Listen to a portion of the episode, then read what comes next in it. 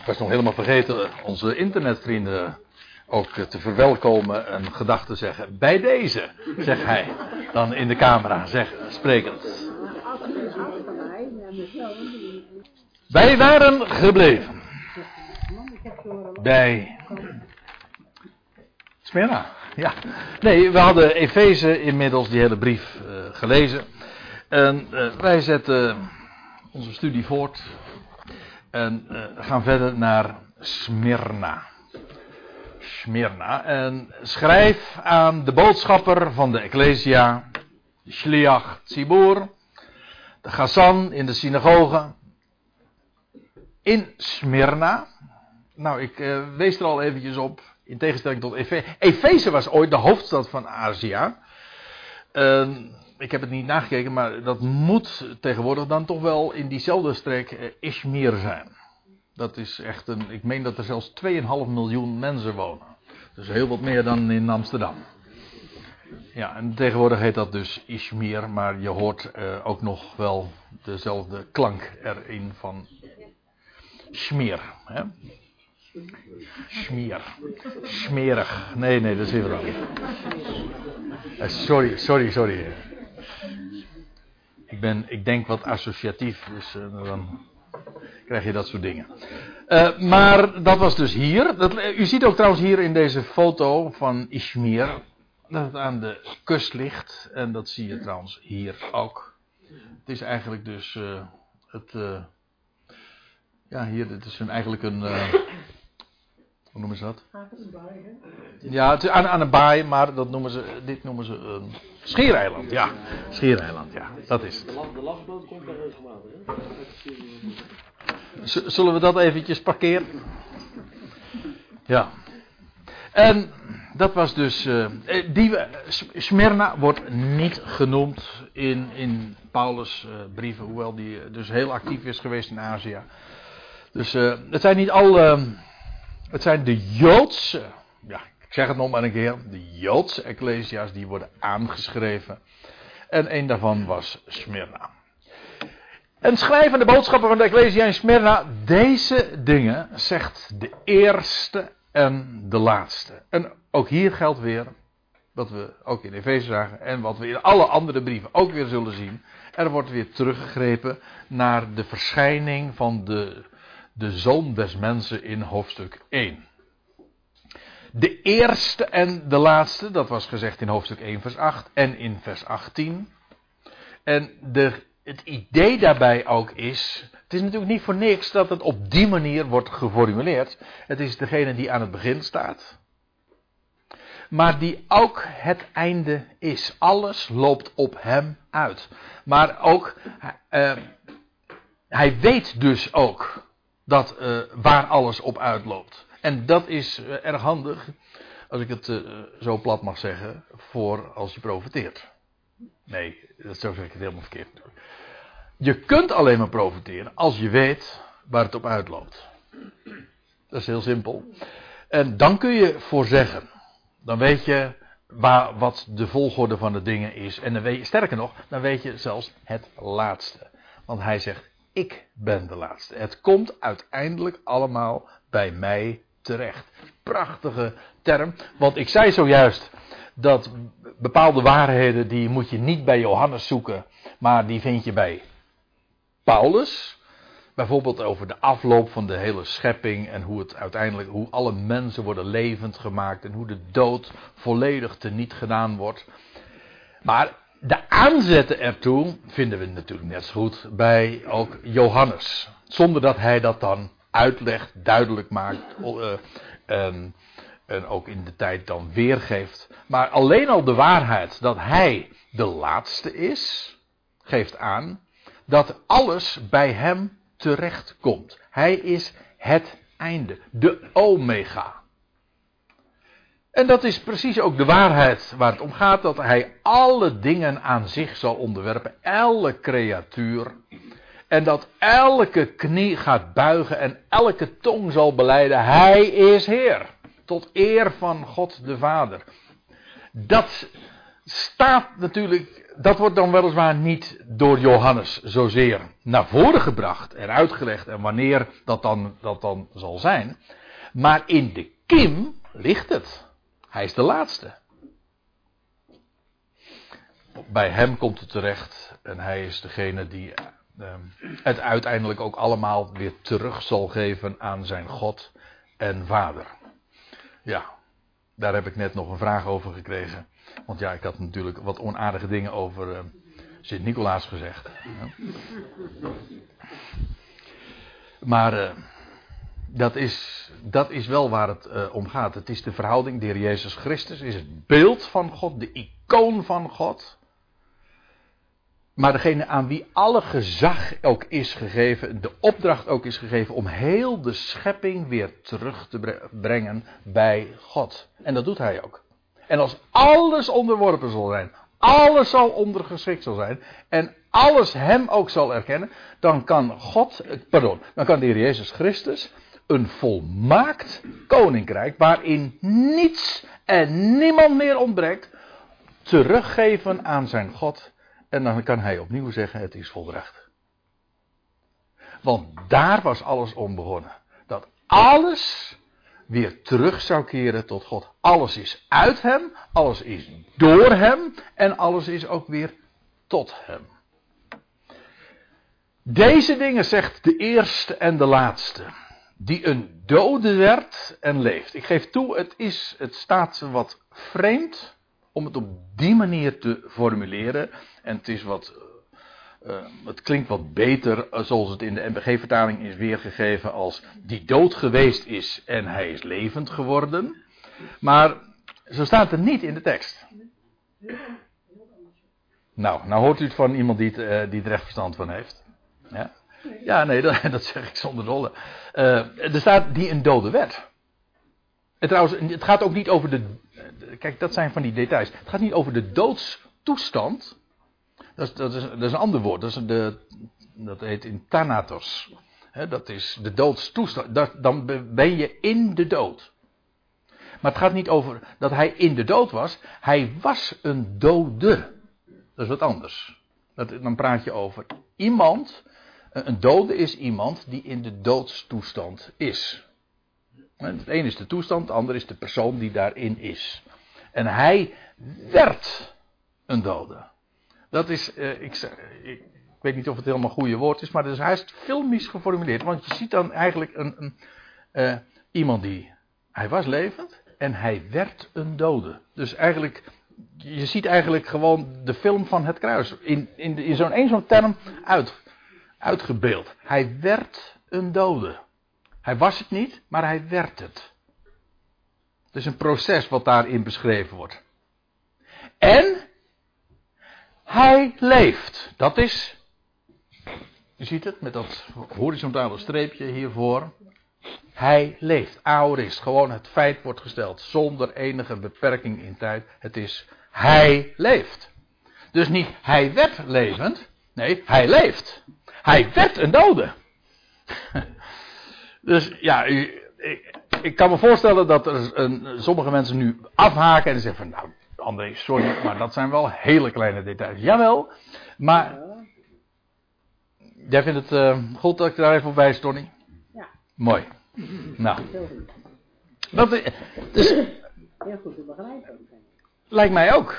Het is niet moeilijk. Maar dat zijn van die details. Ja, niets in de schrift is te vergeefs en voor niks. Hij werd een dode en hij leeft. Dat feit staat. Wanneer? Maakt niet uit. Hij leeft. En, dat die, waar, en die waarheid, ja, dat beeldt ook uit. Hij heeft de dood achter zich. Hij, hij werd een dode en hij was een dode en hij leeft nu onbepaald. Voor, onbe voor onbepaalde tijd. Dat wil zeggen, hij heeft onvergankelijk leven aan het licht gebracht. Feitelijk is dat ook het evangelie. Want omdat hij dat is, is hij ook, hij is de eerste, ja, hij is de eersteling. Hij is de eersteling die dat leven aan het licht bracht. En hij is ook de garantie dat iedereen zal volgen. In Adam sterven alle. Hè? In Christus zullen alle worden levend gemaakt. Maar ieder in zijn eigen rangorde. Christus als eersteling. Hij is de eerste die definitief levend ook werd. En levend is. En onvergankelijk leven aan het licht bracht. Nou, dat zit allemaal in zo'n waarheid besloten. En met dat we natuurlijk in deze brieven in, in de dag van de Heer ons uh, verplaatst weten. En dat, dat hier, hier Ecclesia's worden aangeschreven in die periode, in die setting. Jawel, maar degene die hier aan het woord is, dat is ook mijn Heer. Dat is onze Heer, dat is ons hoofd, het hoofd van het lichaam. En dat is toch, dan gaat, er een, dan gaat je hart sneller kloppen. Als je dat weet, van ja, hij is de eerste, de laatste, alles loopt op hem uit. Kan niet missen. Hij is aan het begin, het eind, alfa, omega. En alles was per, onder perfecte controle. En de boodschap dat hij de levende is, ja, dat is, uh, dat is zo geweldig. In een, donk, in, in een wereld waarin de dood heerst, waarin alles in de dood eindigt, en dan te weten, er is er één die de dood heeft overwonnen, en de garantie is dat hij hem compleet teniet gaat doen. Voor iedereen. Iedereen zijn rangorde. Iedereen. Nou. Zegt het voort. We gaan weer even terug. Want dit wordt gezegd aan uh, de Ecclesia in Ishmir. Hè? Ik weet van je verdrukking.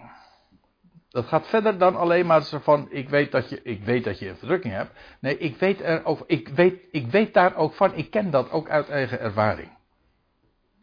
Ook dat is zo. En de armoede. Een heel sterk woord wat hier gebruikt wordt. Dat is maar niet zomaar dat je wat gebrek hebt, maar dat je echt helemaal niks hebt. En je armoede, maar er staat erbij, maar je bent rijk. Dat kan. Het ene is stoffelijk. En het andere is. Het, ja, ik zeg geestelijk, maar eigenlijk moet ik zeggen, dat is de echte rijkdom. Sommige mensen zijn zo arm, die hebben alleen maar geld. Hm? Dat, is, dat is armoede. Hè? Zij, zij, waren, zij waren rijk. Je bent rijk. In, uh, dat zegt Paulus in 2 Korinthe 6 vers 10. Als arm, hè, hij gebruikt van zulke contrast. Hij zegt, ik ben arm, of die trouwens hetzelfde woord gebruikt als, als Johannes hier, dat durf ik even niet te zeggen. Maar hij zegt als arm, maar vele rijkmakend. Als niks hebbend en toch alles bezittend. Ja. Wie een oren heeft, die horen. En wie het vatten kan, vatten het.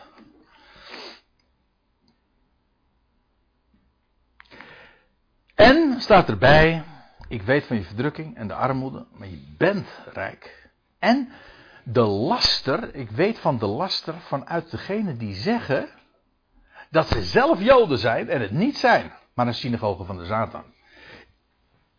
Ik heb iets ontdekt. Iemand attendeerde me er trouwens op. Maar uh, toen ineens zag ik van hoe belangrijk dat is. Want dit woord wordt in de meeste vertalingen eigenlijk gewoon uh, weggelaten. En er staat dan, zeggen ze, in de MBG-vertaling, laat ik het even voorlezen. En wanneer nou, nee, moet wel het goede hoofdstuk hebben. Uh, de lasten van hen die zeggen dat zij Joden zijn, dat, die zeggen dat zij Joden zijn, doch het niet zijn, maar een synagoge van de Satan. Uh, nou, weer zo'n taaldingetje, een detail, maar het is veelzeggend. Niet, uh, die zeggen, degene die zeggen dat zij Joden zijn, maar die zeggen dat zij zelf Joden zijn. Dat betekent hè, dat hier, hier is sprake van een, een conflict. Hè. Uh, dit dus in tegenstelling tot de claim van de Ecclesia van de Smyrna. De gemeente van de Ecclesia van Smyrna, die, hè, die was Joods. Maar nu waren er, uit de, die uh, Johannes hier noemt, of nee, die de Heer Jezus hier noemt, de synagoge van de tegenstander. Zij, die, die zeggen, wij zelf zijn Joden dat, kan, dat heeft alleen maar zin.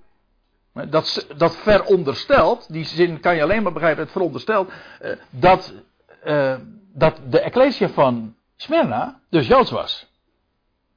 Hebt u? Dat is, daarom, dat woordje zelf is heel veel zeggen. En het, het feit dat de vertalers dat hebben, uh, meestal, denk ik, weg hebben gelaten, terwijl het onmiskenbaar staat, terwijl zij zelf Joden zijn, kan alleen maar betekenen dat men niet uh, kennelijk doordrongen was van de relevantie van dat gegeven, dat, dit hier, dat we hier op Hebreeuwse bodem staan. Dat dit, dat dit Joodse gemeenten zijn. En dan kun je met zulke dingen, uh, ja, gewoon wat. Mm, slordig omgaan. Want dit is slordig omgaan. Er staat, die zeggen dat zij zelf Joden zijn. En het niet zijn. Dus de Ecclesia van Smyrna, dat was een Joodse Ecclesia. Maar, en degene, maar er waren ook anderen die dat ook die claimden, wij zijn het. Wij zijn het, wij zijn het zelf. Maar, zegt de Jezus, dat mogen ze wel beweren, maar ze zijn een synagoge van de tegenstander. Ze mogen misschien dan Joods bloed hebben of zo. Ze mogen Joods zijn, maar ze zijn een synagoge. Ook een synagoge, maar van de tegenstander. Want dat is eigenlijk wat het woord Satan natuurlijk ook betekent. Eigenlijk, Satan is een, uh, is een Hebreeuws begrip eigenlijk. En dat betekent de tegenstander. En dat kan op één iemand slaan, als, uh, maar dat hoeft niet eens. Dat kan gewoon de tegenstander in het algemeen zijn. En in dit geval is dat duidelijk. Want ja, in de eindtijd, in de dag van de Heer, dan zullen die tegenstellingen zich enorm gaan toespitsen. Namelijk aan de ene kant daar het, het Jodendom dat de Messias afwijst en ook een valse Messias volgt. Want over die tijd praten we dus, hè? En groepen van Joodse gemeenschappen die erkennen wie de Messias is. Ja, en die zullen natuurlijk, trouwens, dat, dat is uh, vandaag ook zo. Uh, het Joodse karakter van uh, bijvoorbeeld Messias beleidende gemeenten in, in Israël, de Ecclesia's, waar, waar gewoon dus Joodse gemeenschappen daar, die de Messias erkennen, die worden door het officiële Jodendom niet erkend, die zijn niet echt Joods. Terwijl het gewoon uh, Joodse mensen zijn, maar uh, die zelfs moeite hebben om, om in Israël zich te vestigen. Want ja, ze eenmaal de Messias hebben erkend, Jezus als de Messias erkennen, dan zijn ze geen echte Joden meer. Zij zeggen precies tegenovergestelde, juist dan, als we de Messias erkennen, zijn we niet eh, echte Joden. Zie je, het gaat me nu even niet om, om het, het Messiaanse Jodendom uh, in de tegenwoordige tijd, want dat is een verhaal apart. Maar het gaat meer om het punt dat als je Jezus, Yeshua, laat ik het dan maar op zijn Hebreeuws dan zeggen, Yeshua als de Hamashiach erkent, ja, dan word je door het officiële Jodendom uitgespuwd en zegt van nee, jullie zijn geen echte Joden. Nou, maar dat, dat zijn degenen, dat is de synagoge van de tegenstander. Nou, die tegenstellingen zullen uh, zich straks weer enorm ook gaan toespitsen.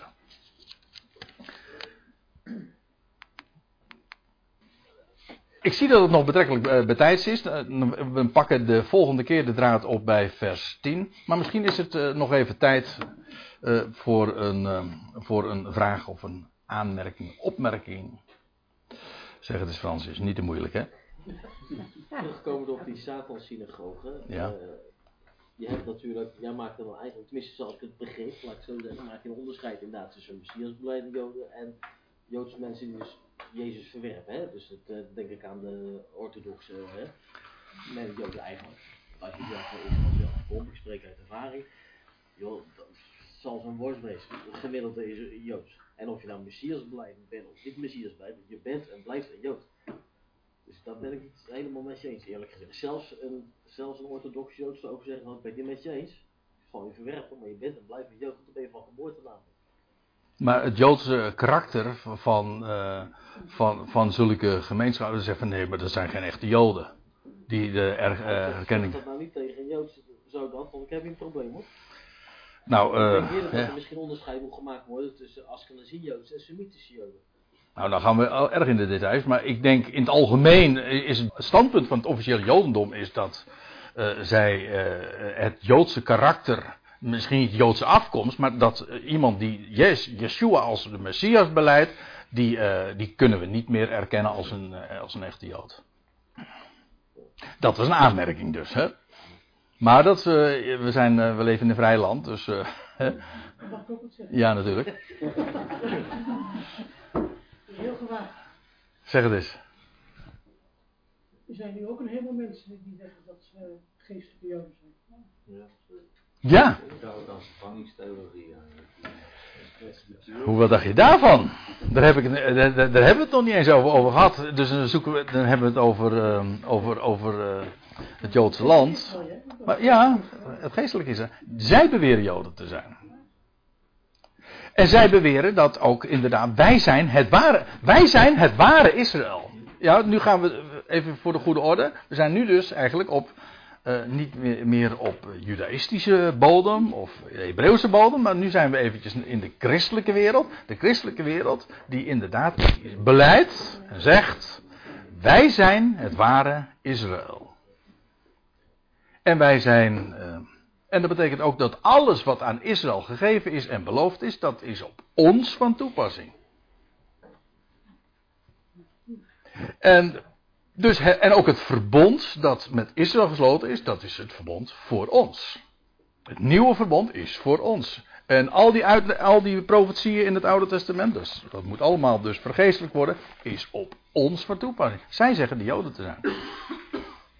En ook het teken dat aan Israël gegeven werd, is van ons. Dat wil zeggen, u weet het hè. Ik heb afgelopen zondag in, uh, hier uh, in de buurt uh, nog gesproken. En toen hadden we over Abraham, werd Abraham. En het teken werd ge gegeven, het teken van dat verbond aan Abraham was het teken van de besnijdenis. Nee, zegt de kerk, dat, hebben we, dat is van ons. Ja, oké. Dan zeggen ze wel, in de plaats van de besnijdenis is de doop gekomen. Dat wil zeggen, het teken hebben we veranderd. Dat zullen ze ook niet zo zeggen. Maar het teken is veranderd. En de besnijdenis is nu vervangen door de doop. Maar uh, men zingt bijvoorbeeld, als dan Psalm 105, bij zo'n ritueel, bij de kinderdoop, dan zingt men Psalm 105, het verbond van Abraham met Abraham zijn vriend, bevestigt hij van kind tot kind. En dat, is, dat zijn wij. Dus ja, ja daar, heb ik, daar had ik helemaal niet eens uh, zozeer aan gedacht uh, toen toen ik deze claim zo las. Zij beweren de Joden te zijn. En dat is. Ja. Die laten zichzelf besnijden zonder. Zonder Joods te zijn. Ja, dat, dat, dat, dat zijn we helemaal met elkaar eens, ja. Die, die, die doen al. Ik, de, even voor de goede orde.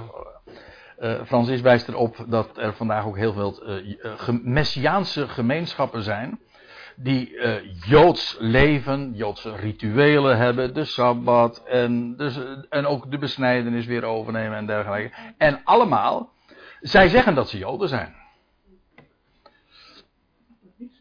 En uh, daarvan zegt, daarvan uh, ra, rabbijn, wie was het, een bekende Nederlandse rabbijn, van de Kamp. Nee, ik dacht dat Lodi van de Kamp was. En die zei, dat zijn kringen, dat zijn heilige gemeenten, die jodelen. Dat zijn niet bij die jodelen. Ja. Die doen alsof ze joden zijn, maar ze zijn het niet. Ja.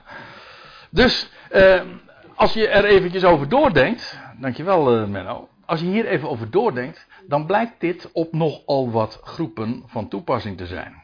Mensen die claimen joden te zijn, ten onrechte. Ja, nou, waarvan akte. Dus met andere woorden, ook is, het is ook dus zo dat het is zo van, uh, van belang om te weten wat je identiteit is.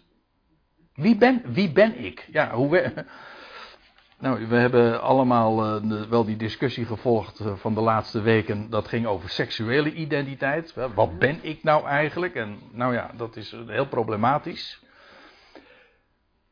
Maar het is wel van belang. Dat je weet, wie ben ik nou eigenlijk? En dat geldt geestelijk ook. Wat, ja, wie, wie ben ik?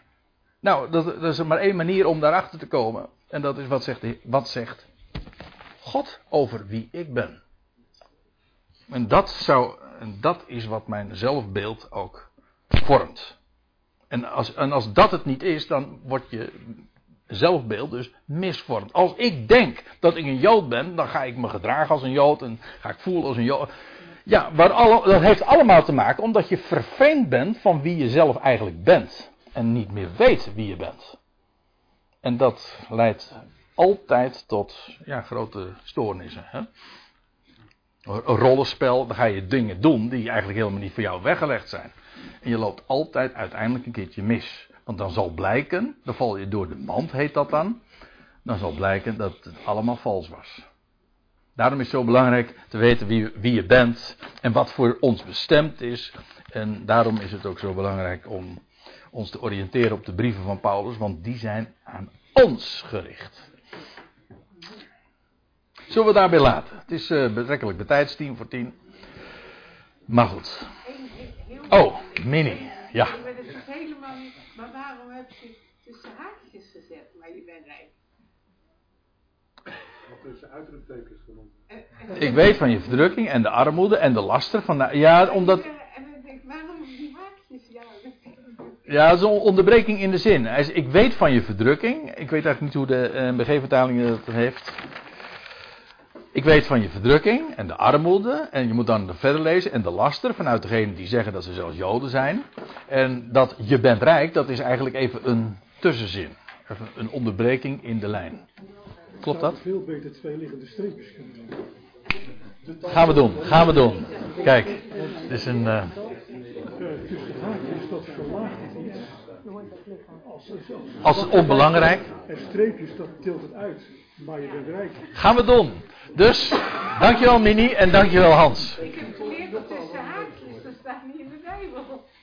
Oh nee, maar dat is nog weer een, dat is, dat is een misverstand. Dat, hij heeft er namelijk ook nog weer mee te maken met, met vierkante haakjes en ronde haakjes. Ik haak al.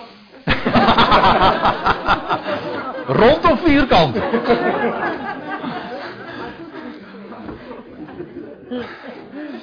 Oké. Nou, dat is mooi. Ik stel voor dat we het hier maar even bij laten. En dan gaan we de volgende keer eh, verder in eh, Smyrna. En eh, ja, ik, ik, kan niet, ik kan het niet, niet anders meer zeggen dan zo. Smyrna. En ik stel voor dat we deze avond nog zullen afsluiten met dankgebed. Trouw God en Vader, we danken u voor het licht van uw woord. Voor het feit dat u ons zicht geeft op wie u bent, wie wij zijn. Wat uw plannen ook met ons zijn, maar ook met Israël, uw volk. En Heer, dat is adembenemend om ons, ons daarmee bezig te houden.